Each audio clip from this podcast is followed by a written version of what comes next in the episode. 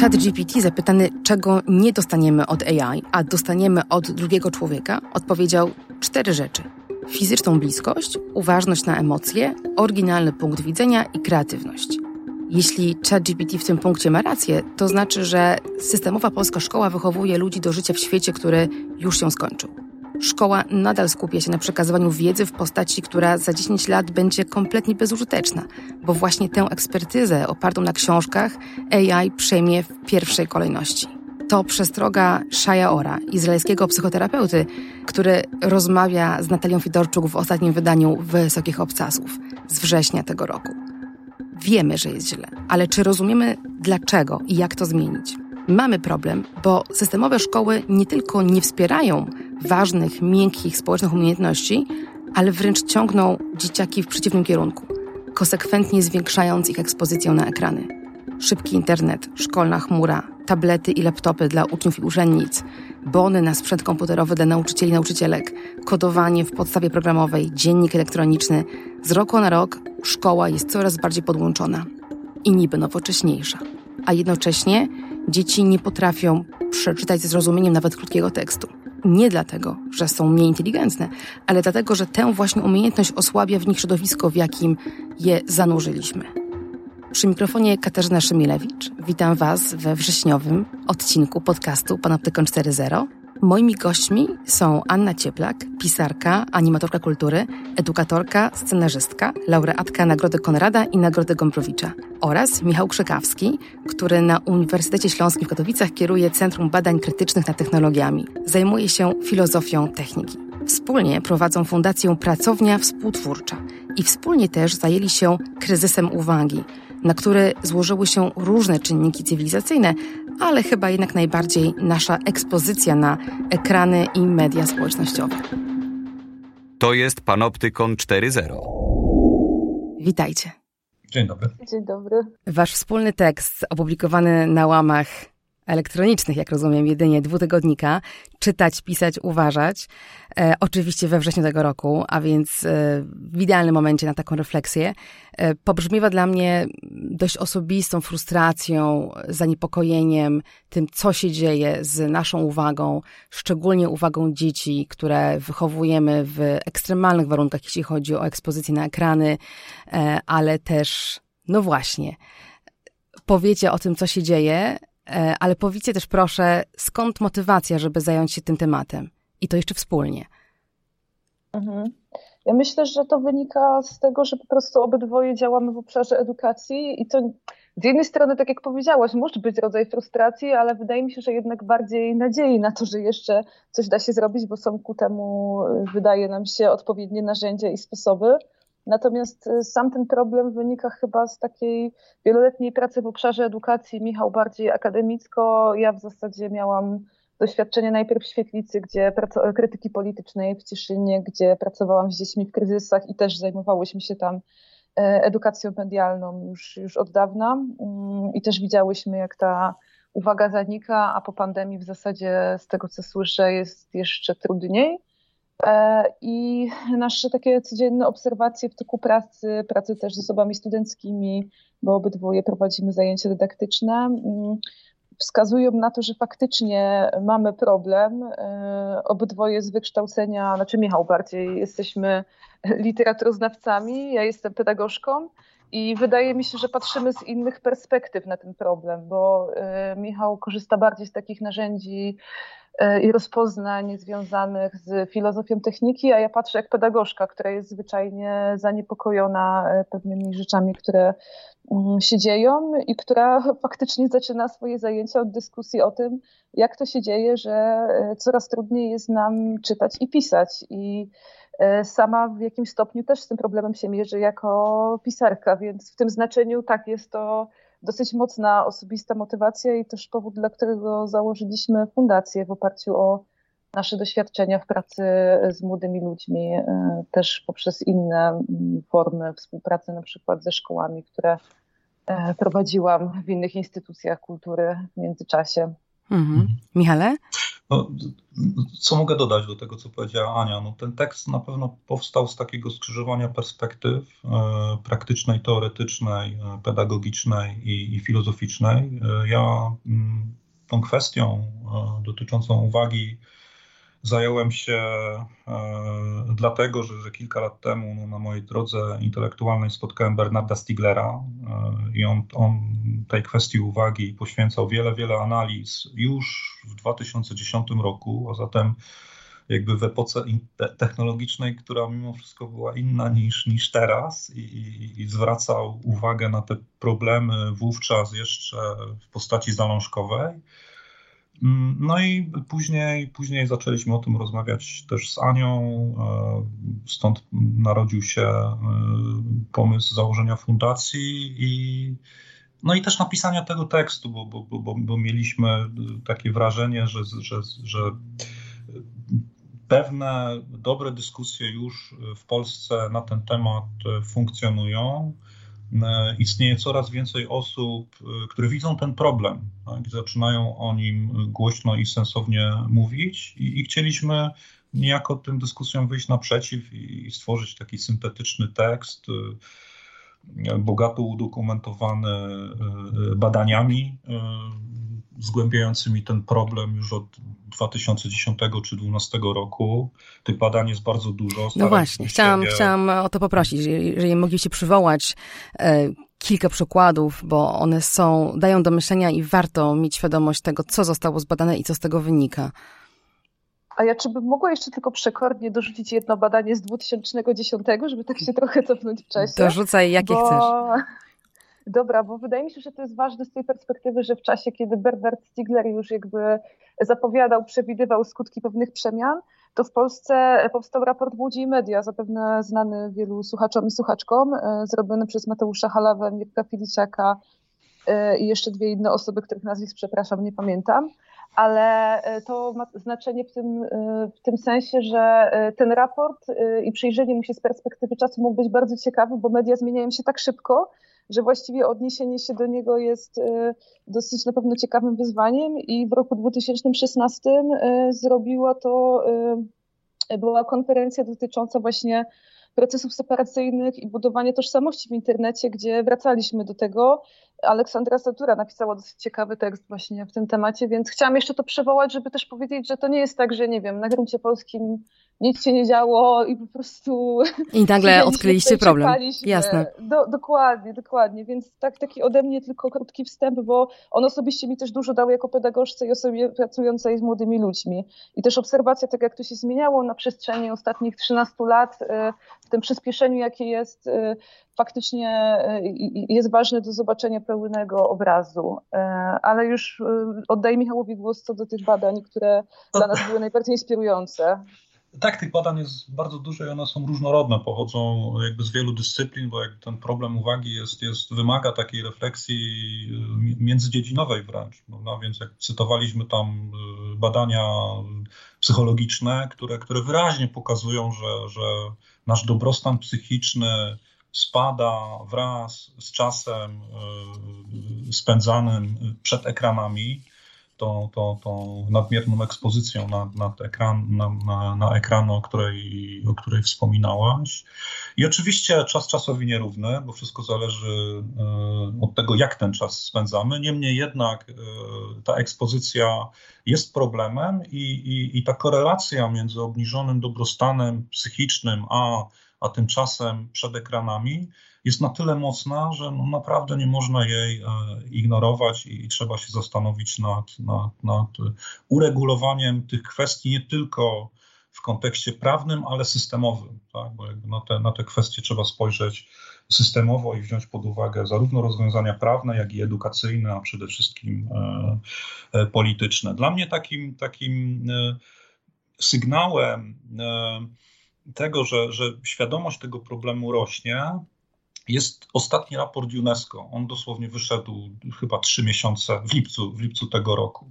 I tam e, jakby jest wyraźnie, e, wyraźna sugestia, że nadszedł, jest najwyższy czas, aby, aby kwestie ekranów, obecności ekranów w szkole na lekcjach e, uregulować. Drastycznie ograniczyć, to, cytuję teraz e, tak, tak, tekst. Tak, tak. To jak to zrobimy oczywiście jest, jest, jest kwestią dyskusji. E, natomiast e, fakt, że trzeba to ograniczyć jest, jest w tej chwili niezaprzeczalny. I przywołuję UNESCO, bo oni mm, pierwotnie, jeszcze kilka lat temu, zachowywali o wiele dalej idący optymizm w tej kwestii. Jakby ta zmiana stanowiska powinna nam dać do myślenia. Bierze się to też stąd, że, że no, postęp technologiczny przebiega zawsze szybciej niż, niż taka refleksja naukowa, stąd też być może potrzebowaliśmy czasu, aby dokładnie zbadać um, jakby te relacje między, między szkolną porażką, między obniżeniem e, naszego dobrostanu psychicznego, a, a tym, co się dzieje jakby w naszym e, otoczeniu technologicznym.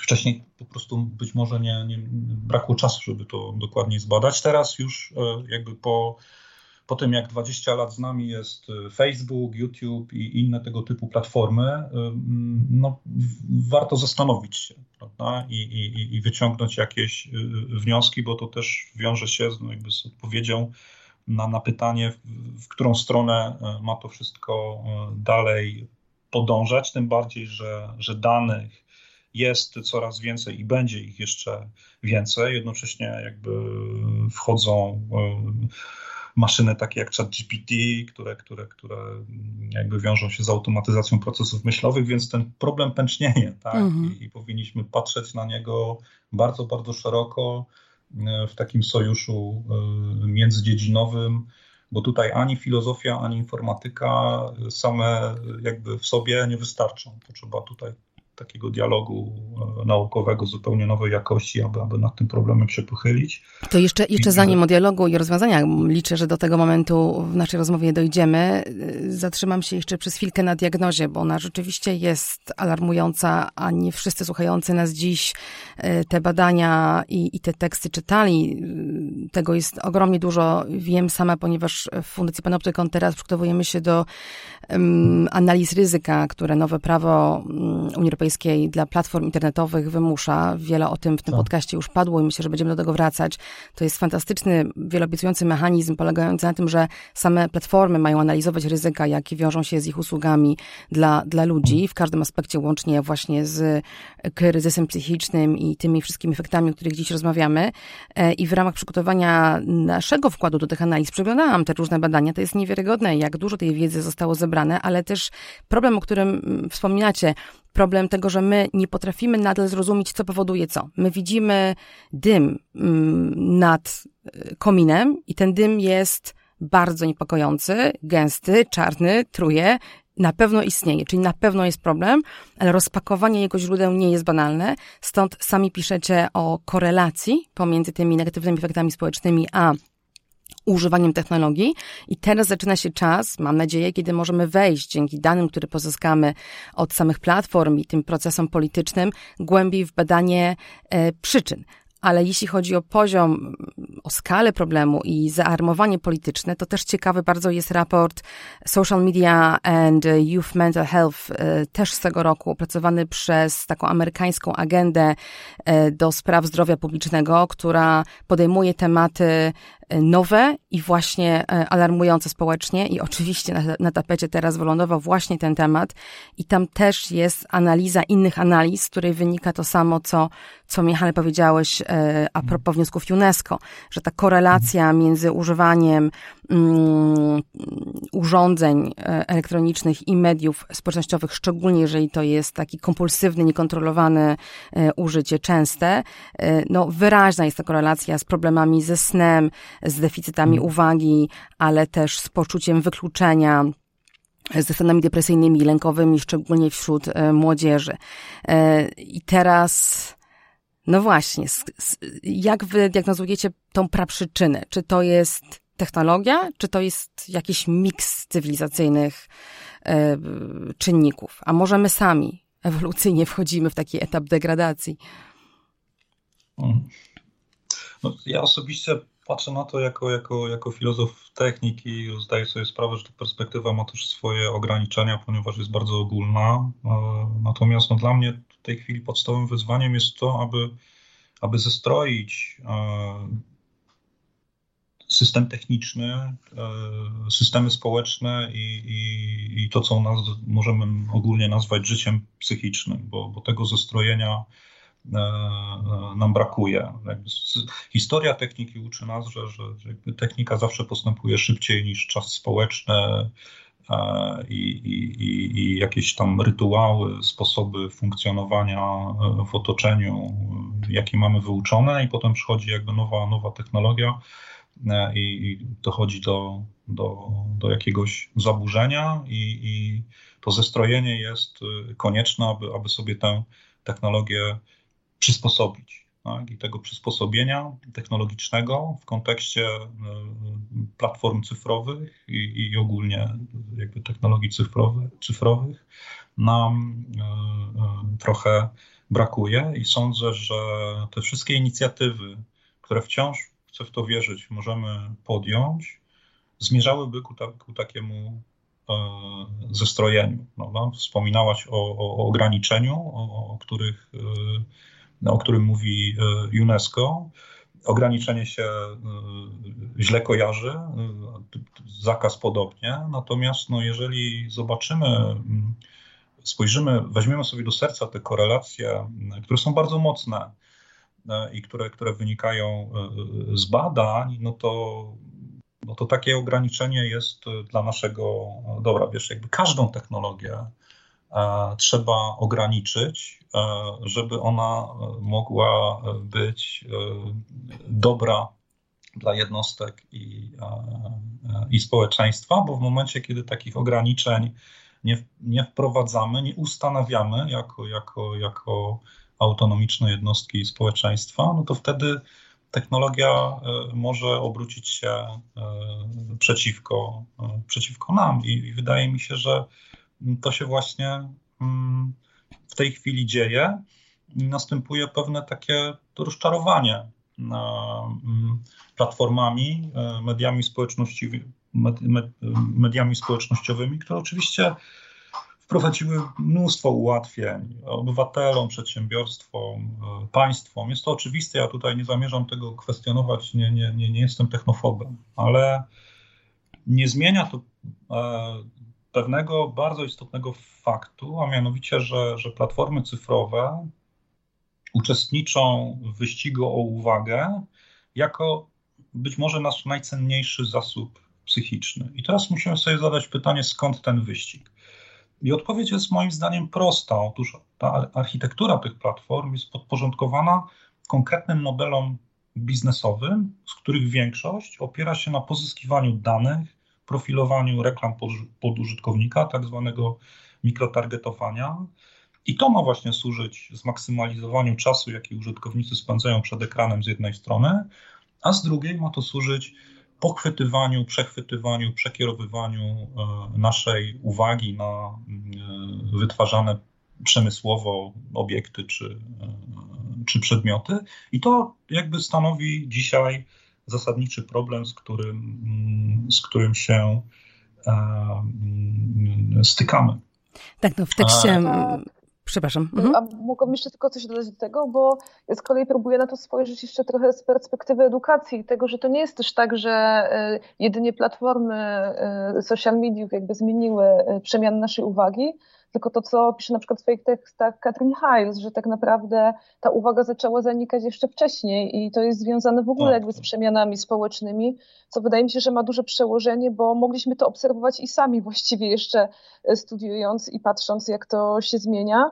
E, I tak naprawdę ważnym w tym kontekście, ważne w tym kontekście jest też myślenie o tym, co teraz oznacza w ogóle alfabetyzm, bo wydaje mi się, że od pewnego momentu nie zadawaliśmy sobie też takich pytań i okej, okay, jakby oczywiście cieszyło nas, że e, zmniejszyła się globalnie jakby mm, skala osób, które nie czytają, ale jakby na poziomie takiego funkcjonalnego czytania, czyli rozumienia treści i też rozumienia tego, co chce nam powiedzieć druga osoba, czy to będzie przestrzeń cyfrowa, czy czytana książka, e, jest już zdecydowanie gorzej, bo e, badania te prehistoryczne trochę, czyli z 2018, które przywoływaliśmy w naszym tekście, mówią, że co siódmy piętnastolatek i piętnastolatka nie potrafi E, jakby odkodować, znaczy potrafi odkodować tekst, ale nie potrafi go często zrozumieć, co jest powiązane znowu z tym, jak funkcjonuje szkoła, e, która jest słusznie krytykowana przez wiele ruchów społecznych e, i przy obecnym układzie politycznym bardzo ciężko jest cokolwiek nowego do niej wprowadzać, więc wydaje mi się, że obydwoje mamy też świadomość, że to, o czym dzisiaj rozmawiamy, na tle takiego szerszego kryzysu w obrębie polityki oświatowej jest czymś jakby koniecznym do zmiany, natomiast jest to bardzo bardzo trudne w środowisku, w którym funkcjonujemy i jest to oczywiście problem globalny, ale roz, szukanie rozwiązań w tej skali naszej najbliższej jest trudne, bo być może częściowo zlekceważyliśmy pewne badania, które powstawały i są tego różne przyczyny. Przede wszystkim jakby chaosu i tego, że system edukacji od wielu lat jakby kuleje i ciężko jest tutaj e, zadziałać, nawet posiadając miliard raportów, e, no bo wiadomo, że jakby trudniejsze jest wdrażanie tego do działania i wymyślenie, co zrobić, żeby po prostu uwzględnić te przemiany społeczne i, i wynikające z przemian cyfrowych. Nie? Mhm. Tak mi się wydaje, że jeśli mogę, danych e, i, i, i jakby zebranych faktów, a przynajmniej mocnych korelacji e, mamy dość i w tej chwili jest pytanie, co robić, nie? Być może pytanie e, najtrudniejsze, bo to jest pytanie o organizację, a więc też pytanie o jakby polityczne rozwiązanie jakby tego, tego, tego problemu. To, co Ania mówiła o, o, o, o tej szerszej perspektywie, jakby wspominając o tym, że jakby ten problem jest wcześniejszy niż pojawienie się y, jakby w naszym otoczeniu technologicznym mediów społecznościowych, to, to, jakby to jest bardzo istotne, bo my musimy rzeczywiście y, zyskać szerszą perspektywę, żeby dostrzec specyfikę oddziaływania na nasze życie psychiczne i społeczne mediów cyfrowych. My żeśmy w tekście przywoływali E, Herberta Simona, e, e, ekonomisty i specjalisty od psychologii kognitywnej, który w artykule w 1971 roku po raz pierwszy zdefiniował uwagę w kategoriach zasobu, mówiąc, że jest to zasób rzadki, który ulega uszczupleniu wraz z wzrastającą liczbą informacji. No.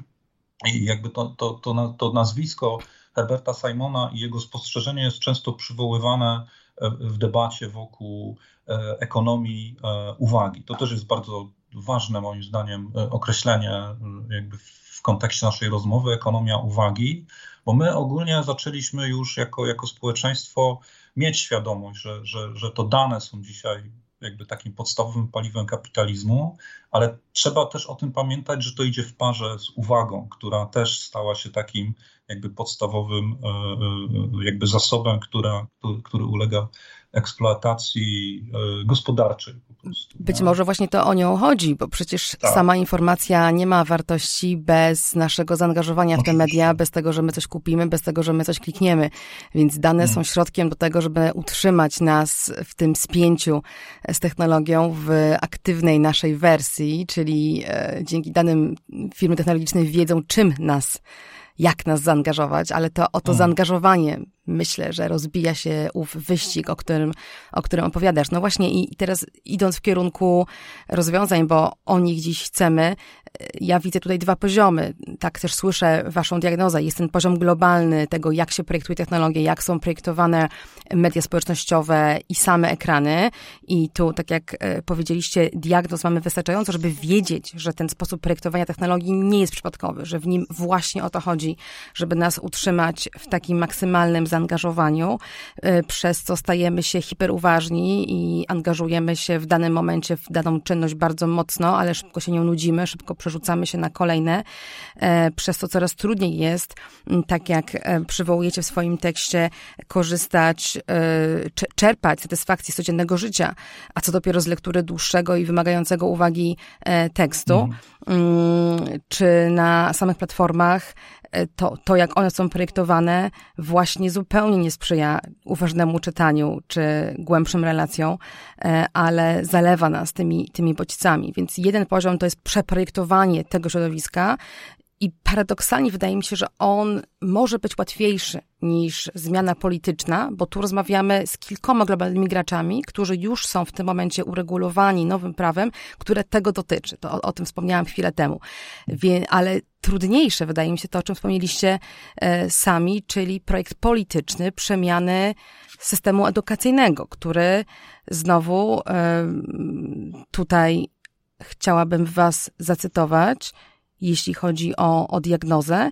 Nie nauczyliśmy się budować przestrzeni edukacyjnej w taki sposób, aby sprzyjała ona formowaniu głębokiej uwagi poprzez uważne czytanie, a tym samym dawała przeciwwagę dla środowiska przesyconego informacjami, w którym e, jesteśmy zanurzeni. E, I ten projekt wydaje się karkołomny, sami o tym mówicie, ale czy jest coś, co możemy w tej przestrzeni szkoły proponować, wprowadzać, nawet rozumiejąc, że głęboka reforma się nie dokona? Mhm. szybko. To jest, w, tak, to jest w ogóle paradoks sytuacji, no bo polska szkoła teoretycznie y, opiera się o głęboką uwagę, tak? W tym znaczeniu, że e, metody pracy z uczniami są dosyć często anachroniczne i tak naprawdę bazujemy na po prostu czytaniu tekstów, ale to jest czytanie bardzo powierzchowne. To znaczy, tutaj się poprawiam, bo to jest czytanie, które po prostu weryfikuje informacje, czyli takie czytanie, w którym trzeba szybko i dużo zapamiętać. Takie na zaliczenie. Ale nie trzeba Dokładnie, ale nie trzeba e, wiele zrozumieć, więc w tym układzie środowisko szkoły jakby nie sprzyja e, budowaniu tej umiejętności. Chociaż tutaj znowu podam przykład z boku, bo wydaje mi się, że wbrew pozorom takie marginesy są istotne. Jest bardzo dużo projektów e, indywidualnie prowadzonych przez nauczycieli i niektóre organizacje, które oczywiście już to uwzględniają. I podam przykład dosyć, wydaje mi się, ciekawy, bo w ubiegłym roku byłam w komisji ceniającej projekty e, najlepszych działań w obszarze edukacji kulturalnej w Warszawie. I większość projektów, które dotyczyły literatury i tak, na, tak, naprawdę dotyczyło głębokiego czytania i umiejętności pracy z uczniami w taki sposób, aby oni mogli e, określać swoje emocje, a też jakby współpracować z tekstem. E, I to działo się właściwie od etapu edukacji przedszkolnej i zaczynało się od projektów takich jak rozumieć to, co właściwie przeczytaliśmy poprzez różne formy y, ekspresji dziecięcej, kończąc na projekcie bardzo ciekawym, który polegał na analizie y, tak naprawdę hejtu wobec Olgi Tokarczuk, który się wydarzył w obliczu y, różnych wydarzeń i grupa licealistów analizowała to, co się wydarzyło w sieci i co na to wpłynęło. Więc na poziomie takiej, takich marginesów wydaje mi się, że już się sporo dzieje i osoby, które naprawdę są blisko z osobami uczniowskimi, one wyczuwają, że to jest istotne. Natomiast znowu, no, na poziomie gdzieś tam systemowym jesteśmy bardzo rozproszeni. E, przy tym, co obecnie dzieje się e, w środowisku edukacyjnym, problem jest taki, że linia polityczna jest bardzo regresywna e, na właściwie wszystkich możliwych poziomach i to, co prezentuje ministerstwo, zupełnie jakby nie bierze pod uwagę tych problemów, tylko skupia się na jakichś kwestiach obyczajowych. Mm, natomiast dużo ruchów edukacyjnych, które działają na rzecz poprawy i demokratyzacji szkoły, jest tutaj bardzo ciekawych. Y, natomiast jakby tutaj byłoby ważne to, żeby sobie zadać pytanie, moim zdaniem, o to, co oznacza podmiotowość ucznia w kontekście tych y, przemian uwagi i przemiany technologii. Mm, bo, jakby zgadzamy się absolutnie z postulatami gdzieś tam demokratyzacji szkoły, ale ona powinna brać pod uwagę też to, że E, prawo do rozumienia informacji, prawo do uwagi jest prawem demokratycznym i należy też je gdzieś tam brać pod uwagę w trakcie wprowadzania zmian. E, I jakby tak jak, tak jak powiedziałaś, no, e, w tym klimacie politycznym, który mamy, będą te zmiany bardzo trudne, ale nie niemożliwe, bo wydaje mi się, że jest możliwa jakaś konsolidacja środowiskowa, która uwzględniałaby i perspektywy badań psychologicznych, i badań pedagogicznych, i też po prostu Y, osób, które pracują na co dzień, bo często je gdzieś tam ignorujemy, takie jest przynajmniej moje doświadczenie jako też gdzieś tam edukatorki, ale te praktyki mogą się bardzo dobrze przykładać na działania, a co więcej, mamy też pewne materiały, z których już można korzystać, z tym, że one są y, jeszcze y, nie do końca tym, czym powinny być, bo one często jakby mówią o indywidualizacji problemu związanego z higieną cyfrową i uwagą, ale niekoniecznie uwzględniają już te wszystkie systemowe y, rzeczy związane z turbokapitalizmem, więc to też, nie mówię, że na poziomie przedszkola należy to tłumaczyć, ale powinniśmy mieć przynajmniej świadomość tego, co nam to robi, co to w nas zmienia. Y, więc jakby tutaj tych wyzwań jest y, no, szalenie dużo, ale wydaje mi się, że jest możliwa taka rozmowa, jakby już poza tym obiegiem politycznym który w tej chwili mamy i wywieranie presji. To jest szalenie ciekawe, jak nazwałaś problem podmiotowości ucznia w kontekście jak to powiedzieć, zgrabnie społecznym. Chodzi mi oczywiście o napięcie pomiędzy tym, co wybrałaby dzisiaj ta zagubna jednostka e, w kryzysie uwagi, e, często uzależniona od swojego ekranu, często przebodźcowana, jej wybór jej mózgu możliwy dla takiej, dla takiej osoby rzadko będzie tym, który byśmy postulowali z klucza świadomość społeczna, prawda, przygotowanie do bycia wyborcą i tak dalej, i tak dalej. Więc to napięcie się pojawia naturalnie w momencie, kiedy już jesteśmy w kryzysie, potrzebujemy coś gruntownie przebudować, żeby dzieciaki z tego kryzysu e, wyciągać i e, cieszy mnie bardzo, że, że wasz projekt wyciągania nie prowadzi przez odbierzmy ekran i, i wygonimy ich na plac zabaw, tylko jest właśnie ten pomysł na e, głębokie czytanie, na literaturę jako, jako narzędzie, które też przecież może być piękne, przyjemne i wciągające, prawda? Więc nie jest tak, że zabieramy im jedno, nie dajemy im nic w zamian, ale faktycznie jak słyszę słowo demokratyczna szkoła, sformułowanie, to od razu myślę sobie, aha, miejsce, w którym rodzice i dzieci decydują o tym, jak się uczyć, a przecież my mamy problem społeczny, czyli za chwilę nie będziemy mieli wyborców, albo już ich nie mamy, którzy rozumieją, na co głosują. I, I co my z tym robimy, prawda? Jak yy, przywołam jeszcze szybciutko Dukaja, no bo nie może go w tej rozmowie zabraknąć. Zresztą miałam okazję w tym podcaście z nim dyskutować parę lat temu wokół też yy, projektowania mediów społecznościowych i tego, co to oznacza dla demokracji. No i Dukaj oczywiście stawia radykalną tezę, że nie ma, nie ma, nie może być demokracji. Ten projekt się skończył wraz z końcem pisma, tak jak on je definiuje, w tej epoce popiśmiennej i w epoce, w której nie mamy lokalnych mediów i nie możemy mieć lokalnej debaty, która do dotyczy ważnych spraw, tylko mamy wyłącznie ten masowy zgiełk informacyjny, ten chaos serwowany nam przez globalne platformy technologiczne. Nie ma też miejsca na demokrację jako projekt, który sobie definiowaliśmy e, w Europie e, przed wojną, tą drugą. E, więc co, co z tym, prawda? Jak się ustawić wobec takiego problemu, który jest no, dość fundamentalny? Wychowania nowego człowieka, nawet jeżeli on wcale nie chce być tak wychowywany dzisiaj. Znaczy, to, że demokracja nie wygląda tak samo jak, e, jak przed wojną, jest rzeczą oczywistą i z nią jest tak samo jak z alfabetyzmem. Ona musi podlegać przedefiniowywaniu, a do tego przedefiniowywania zmusza, wymusza, ono, e, wymusza to na nas e, postęp technologiczny. Ja dla, uważam książkę po piśmie za jedną z ważniejszych książek, jakie ukazały się w ostatnich latach w Polsce ale jeśli chodzi o możliwość działania na, na płaszczyźnie politycznej, no to ta książka nie zostawia nam wielu wskazówek. Tak, kończy dyskusję demokracji. na pytanie, co robić.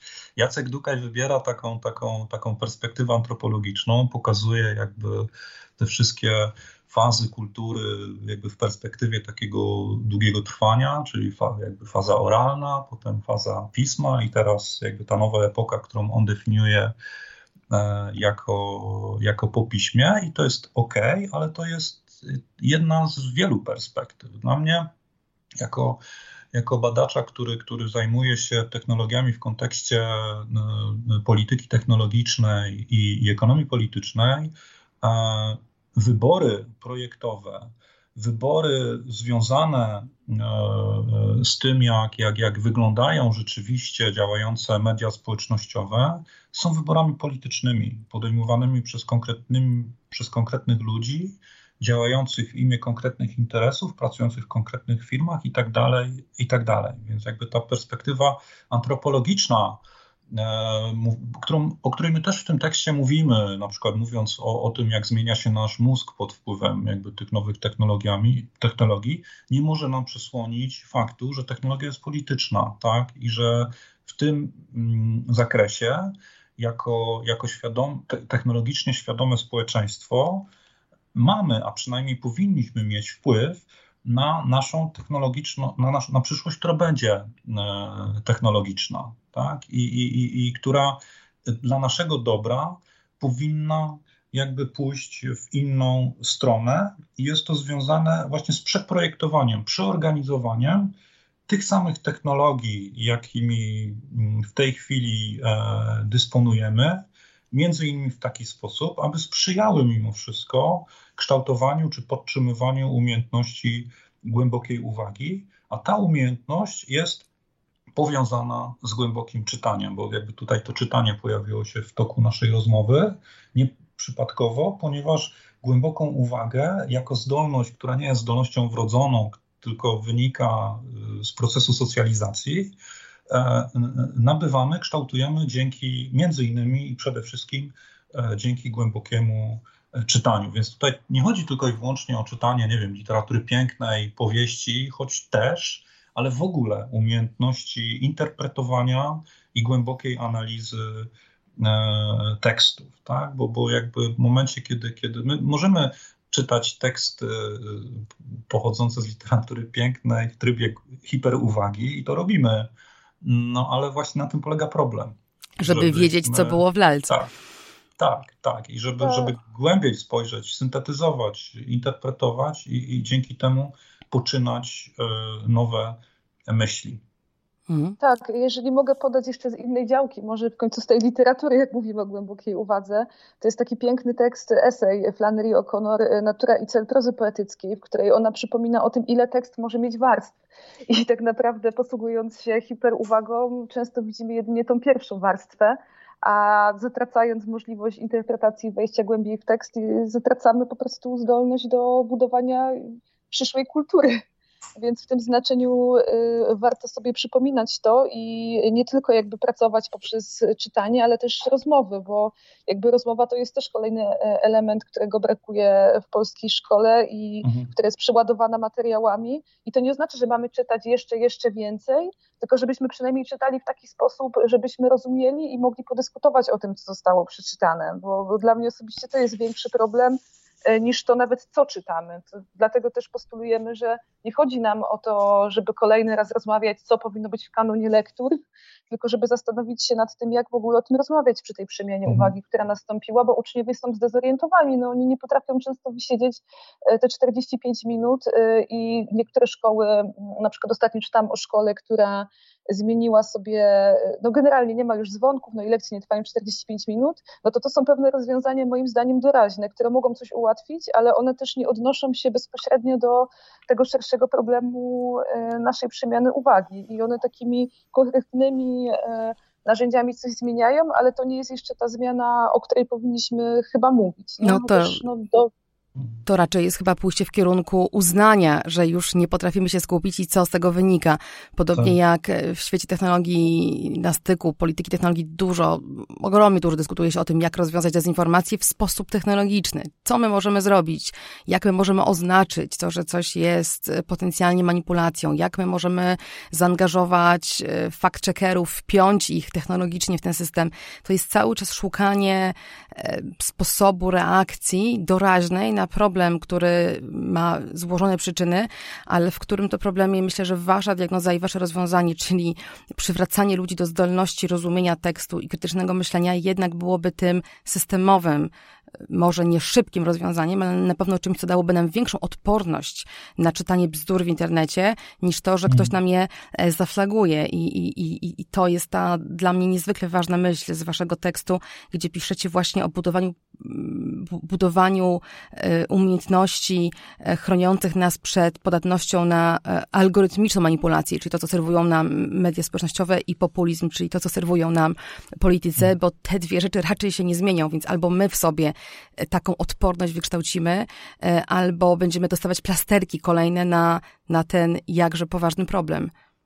Mhm. Tego problemu nie da się rozwiązać szybko przede wszystkim. Musimy się z tym pogodzić. Jakby szybkie rozwiązania tutaj w grę nie wchodzą, one muszą zostać wypracowane i e, to wypracowanie e, zajmie nam długo czasu. To jest proces. Tak samo jak mm, jakby proces transformowania naszej uwagi trwa nie od czasów pojawienia się Facebooka, tylko właściwie można go jakby tropić u podstaw jakby kapitalizmu przemysłowego. Tak też, żeby wypracować jakby nową przestrzeń edukacyjną, również potrzeba takiego długotrwałego procesu. I tutaj Ania zwróciła uwagę na, na, na, te, na tą prostą rzecz, jaką jest rozmowa, której, której w szkole brakuje, już abstrahując od, od platform cyfrowych. które jednocześnie jakby ten brak rozmowy w coraz większy, jeszcze bardziej pogłębiają, no bo mm, tak naprawdę, żeby wyrazić w sposób rozbudowany nasze myśli, nasze emocje, no to potrzebujemy najpierw się zastanowić nad tym, co myślimy mm, i co odczuwamy. Potrzebujemy czasu na refleksję. A, a, i, I to jest istotne, ponieważ taka urefleksyjniając w ten sposób własne myśli i emocje, możemy po pierwsze nad nimi panować, a po drugie poszerzać możliwości ich wyrażania. I to się dzieje zasadniczo poprzez rozmowę z innymi, ale też poprzez taką rozmowę z samym sobą. I, i platformy cyfrowe takiej rozmowie z pewnością nie sprzyjają, bo tak są zaprojektowane. I, I, jakby to, to, to, to, to zwrócenie uwagi na to, jak one są zaprojektowane, jest moim zdaniem bardzo e, istotne. Mi się wydaje, że żebyśmy w ogóle zrozumieli jakby całą tą aferę związaną e, z zanikiem e, uwagi. Mi się wydaje, że jeszcze cały czas musimy sobie lepiej zdiagnozować ten problem, starać się robić wszystko, aby, aby, aby mm, jakby świadomość społeczna tego problemu stała, stała się większa i dopiero jakby na, na tej podstawie dyskutować o tym, jak e, przeorganizować e, przestrzeń edukacyjną, która raczej nie powinna, takie jest przynajmniej moje zdanie, konkurować e, z takimi głęboko imersyjnymi mm, środowiskami mediów społecznościowych, tylko być czymś w rodzaju alternatywy. Antidotum. Tak, antidotum, czymś, co jest z zasady spokojniejsze, bo bo szkoła tak jako instytucja socjalizująca w ten sposób jest zaprojektowana i to jest dobry projekt. Nie da się jakby stworzyć e, szkoły nowej, czy jakkolwiek byśmy ją nazwali, e, e, na podstawie tych, tych, tych, tych szybkich, hipnotyzujących czasowości Facebooka, TikToka i, i, i tego typu mediów. We Francji, która, no, którą znam najlepiej z racji tego, że jestem e, romanistą, e, funkcjonuje jakby cały taki moduł przedmiotów. E, one wchodzą od czwartego cyklu, czyli mniej więcej u nas to jest tam dziesiąty, dwunasty rok życia i, i, ten moduł nazywa się, tak na szybko tłumacząc, przy, przyuczenie do mediów i e, informacji. I i celem jakby prowadzenia lekcji e, w ramach tego modułu jest to, aby uczniowie, tutaj pozwolę sobie zacytować fragment z oficjalnej jakby strony edukacyjnej e, e, Ministerstwa Edukacji we Francji. Celem jest to, aby, aby uczniowie stali się odpowiedzialnymi obywatelami w społeczeństwie, w którym mamy do czynienia z pomnożeniem i przyspieszeniem przepływów informacji. Chodzi o to, aby, aby uczniowie rozwijali swój zmysł krytyczny i potrafili działać w sposób rozmyślny, gdy szukają, otrzymują, wytwarzają i przekazują informacje za pośrednictwem e, rozmaitych mediów. I to, jest, to, są, to są te lekcje, gdzie teoretycznie powinien być czas na to, aby nauczyciele, oczywiście pytanie, czy mamy takich nauczycieli, a jeśli nie mamy, to co z tym zrobić, e, tłumaczą, dyskutują o tym, jak działają algorytmy w mediach społecznościowych, dlaczego po tym, gdy klikamy w to miejsce, odsyła nas w inne miejsce,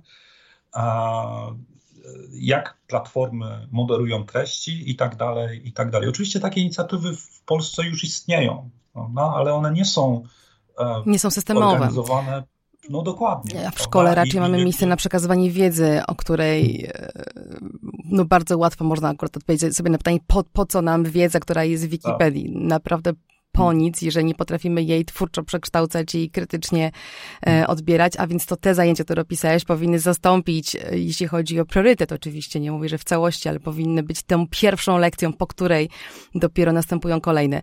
Ale z, zmierzając do brzegu, chciałabym jeszcze e, Annie oddać głos, może z taką prośbą o, o wskazanie tego, co możemy zrobić tu i teraz, jakbyś miała zarekomendować coś słuchającym nas, szczególnie rodzicom, którzy mają dzieci w systemowej szkole i nie do końca mogą je zabrać dzisiaj na zajęcia we Francji, brzmi to świetnie, sama bym się zapisała, to co to mogłoby być? Właśnie taka godzina czytania, wspólnej lektury, rozmowy? Czy jest coś, co my możemy zrobić tu i teraz, żeby temu kryzysowi wyjść naprzeciw świadomie? Tak, to znaczy myślę, że takich e, indywidualnych sposobów radzenia sobie z tym już trochę jest, tylko tak jak zaznaczyliśmy, jest to na razie e, sposób indywidualny radzenia sobie Powstają też książki, jak na przykład Wychowanie przy ekranie, który, y, Magdaleny Bigej, które pokazuje też, co można robić. Y, natomiast no, jakby jeszcze, zanim powiem, co jeszcze można zrobić, chciałam dodać, że to, o czym powiedział Michał, jest też ważne w kontekście myślenia o higienie cyfrowej. Bo problemem jest dla mnie to, że higiena cyfrowa nie jest jedna i że po prostu nawet stosując ciekawe zajęcia, które mamy, nie wiem, na przykład z ClickSafe, które są dostępne w podręcznikach, swoją drogą polecam też, co może też jest jakąś rekomendacją to jest taki podręcznik niemieckiego konsorcjum e, z programu Digital Europe, e, to tam jest już bardzo dużo wskazówek o tym, co można robić, żeby już rozmawiać i o algorytmach, i o tym, jak na nas wpływa psychologicznie, jak na nas wpływają social media. Więc po pierwsze, jakby korzystać z tych dostępnych materiałów, jeżeli w ogóle jest na to przestrzeń. Po drugie, wymyślić naprawdę ze swoim dzieckiem indywidualną jakby higienę cyfrową, no bo bez sensu jest, nie wiem, zakazywać dziecku, które E, nie ma problemu z graniem, grania w gry e, i jakby tutaj trzeba znaleźć jakby na to swój sposób. Mm, I kolejna rzecz to też e, próbować mimo wszystko w tym pośpiechu, który nam oferuje obecny system polityczny, czasami zwalniać, nawet kosztem tego, że na egzaminach pójdzie gorzej, co brzmi być może drastycznie dla niektórych, ale wydaje mi się, że ta tendencja do tego, żeby myśleć już o takim długofalowym rozwoju dziecka i jego dobrostanie jest jednak gdzieś tam ważniejsza. I też y, kolejna rzecz to zmierzyć się z tym w kontekście problemu klasowego, bo y, wiadomo, że jakby rodzice, którzy mają świadomość tego, co się dzieje, powiedzmy z klasy średniej, no to będą podejmowali pewne strategie, tak jak kupowanie książek, tak jak próbowanie gdzieś tam rozmawiania o takich filtrach. Natomiast no, ja też po latach pracy z dziećmi, które były w kryzysie, mam świadomość tego, że to one są najbardziej tym zagrożone, bo naprawdę nie wiedzą, co im się dzieje w obliczu tej krótkiej, hipnotycznej czasowości i one najczęściej e, jakby nie mają szansy wejścia w inny rytm.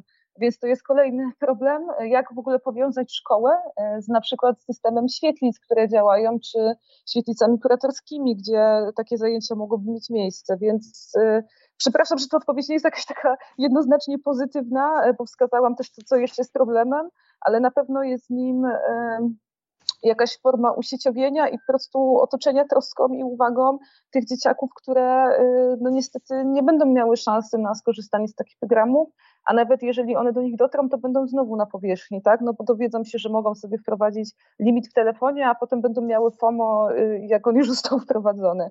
Więc, y, więc jakby tutaj to jest jedno, a drugie to jest też próba nawiązywania koalicji, no choćby tych lokalnych, gdzie można było tym tematem się zajmować, bo wydaje mi się, że to jest ważne i też jakoś się przekłada na skalę, chociaż problem jest globalny. Mm, no i też próba nawiązywania kontaktów z instytucjami, instytucjami, które tym się zajmują, e, badawczymi, tak jak uniwersytety czy fundacje.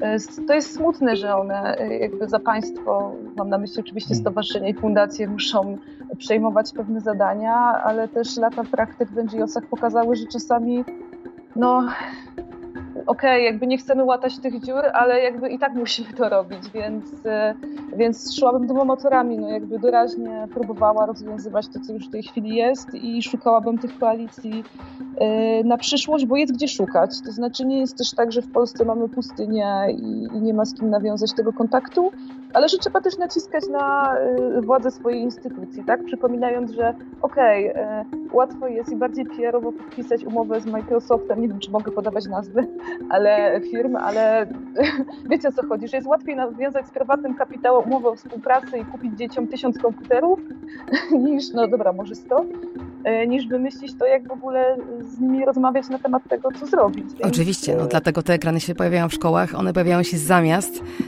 tej edukacji, o której mówicie, zamiast tych trudnych, refleksyjnych rzeczy, a nie po to, żeby je udrażniać, bo przecież e, nie mamy kim robić tych rzeczy, które wymagałyby uwagi, czasu, przestrzeni i to, to jest o systemie. o systemie, z którego tak łatwo nie będzie nam się wyplątać, ale Wasze sugestie pokazują jakieś ścieżki, pokazują, że rzeczy są możliwe, że rzeczy się dzieją e, i tak jak podkreślacie oboje, to jest sprawa dla, dla koalicji, dla większego ruchu. Liczę, że ta rozmowa, e, wasz tekst w dwutygodniku, e, książki, publikacje Magdy Bigaj i wiele innych rzeczy, które się pojawiają w Polsce na ten temat, właśnie takim ruchem taką kulą śniegową się zaczną toczyć. Tego Wam, nam wszystkim życzę. E, dzisiaj czuję, że powinniśmy postawić kropkę w tym momencie, ale to na pewno nie jest ostatni raz, kiedy temat uwagi, jej kryzysu i odpowiedzialności za to platform, ale też systemu edukacji się w tym podcaście pojawia. Dziękuję Wam bardzo. Anna Cieplak i Michał Krzykawski dzisiaj byli naszymi gośćmi. Bardzo dziękujemy też i też liczymy na koalicję. Już się spotykamy tak, tak, w najbliższym czacie z Instytutem Cyfrowego Obywatelstwa, więc mamy nadzieję, że uda się coś nam zdziałać wspólnie. Powodzenia. Powodzenia do usłyszenia. Żegna się z Wami Katarzyna Szymilewicz. To był podcast Panoptykon 4.0. Panoptykon 4.0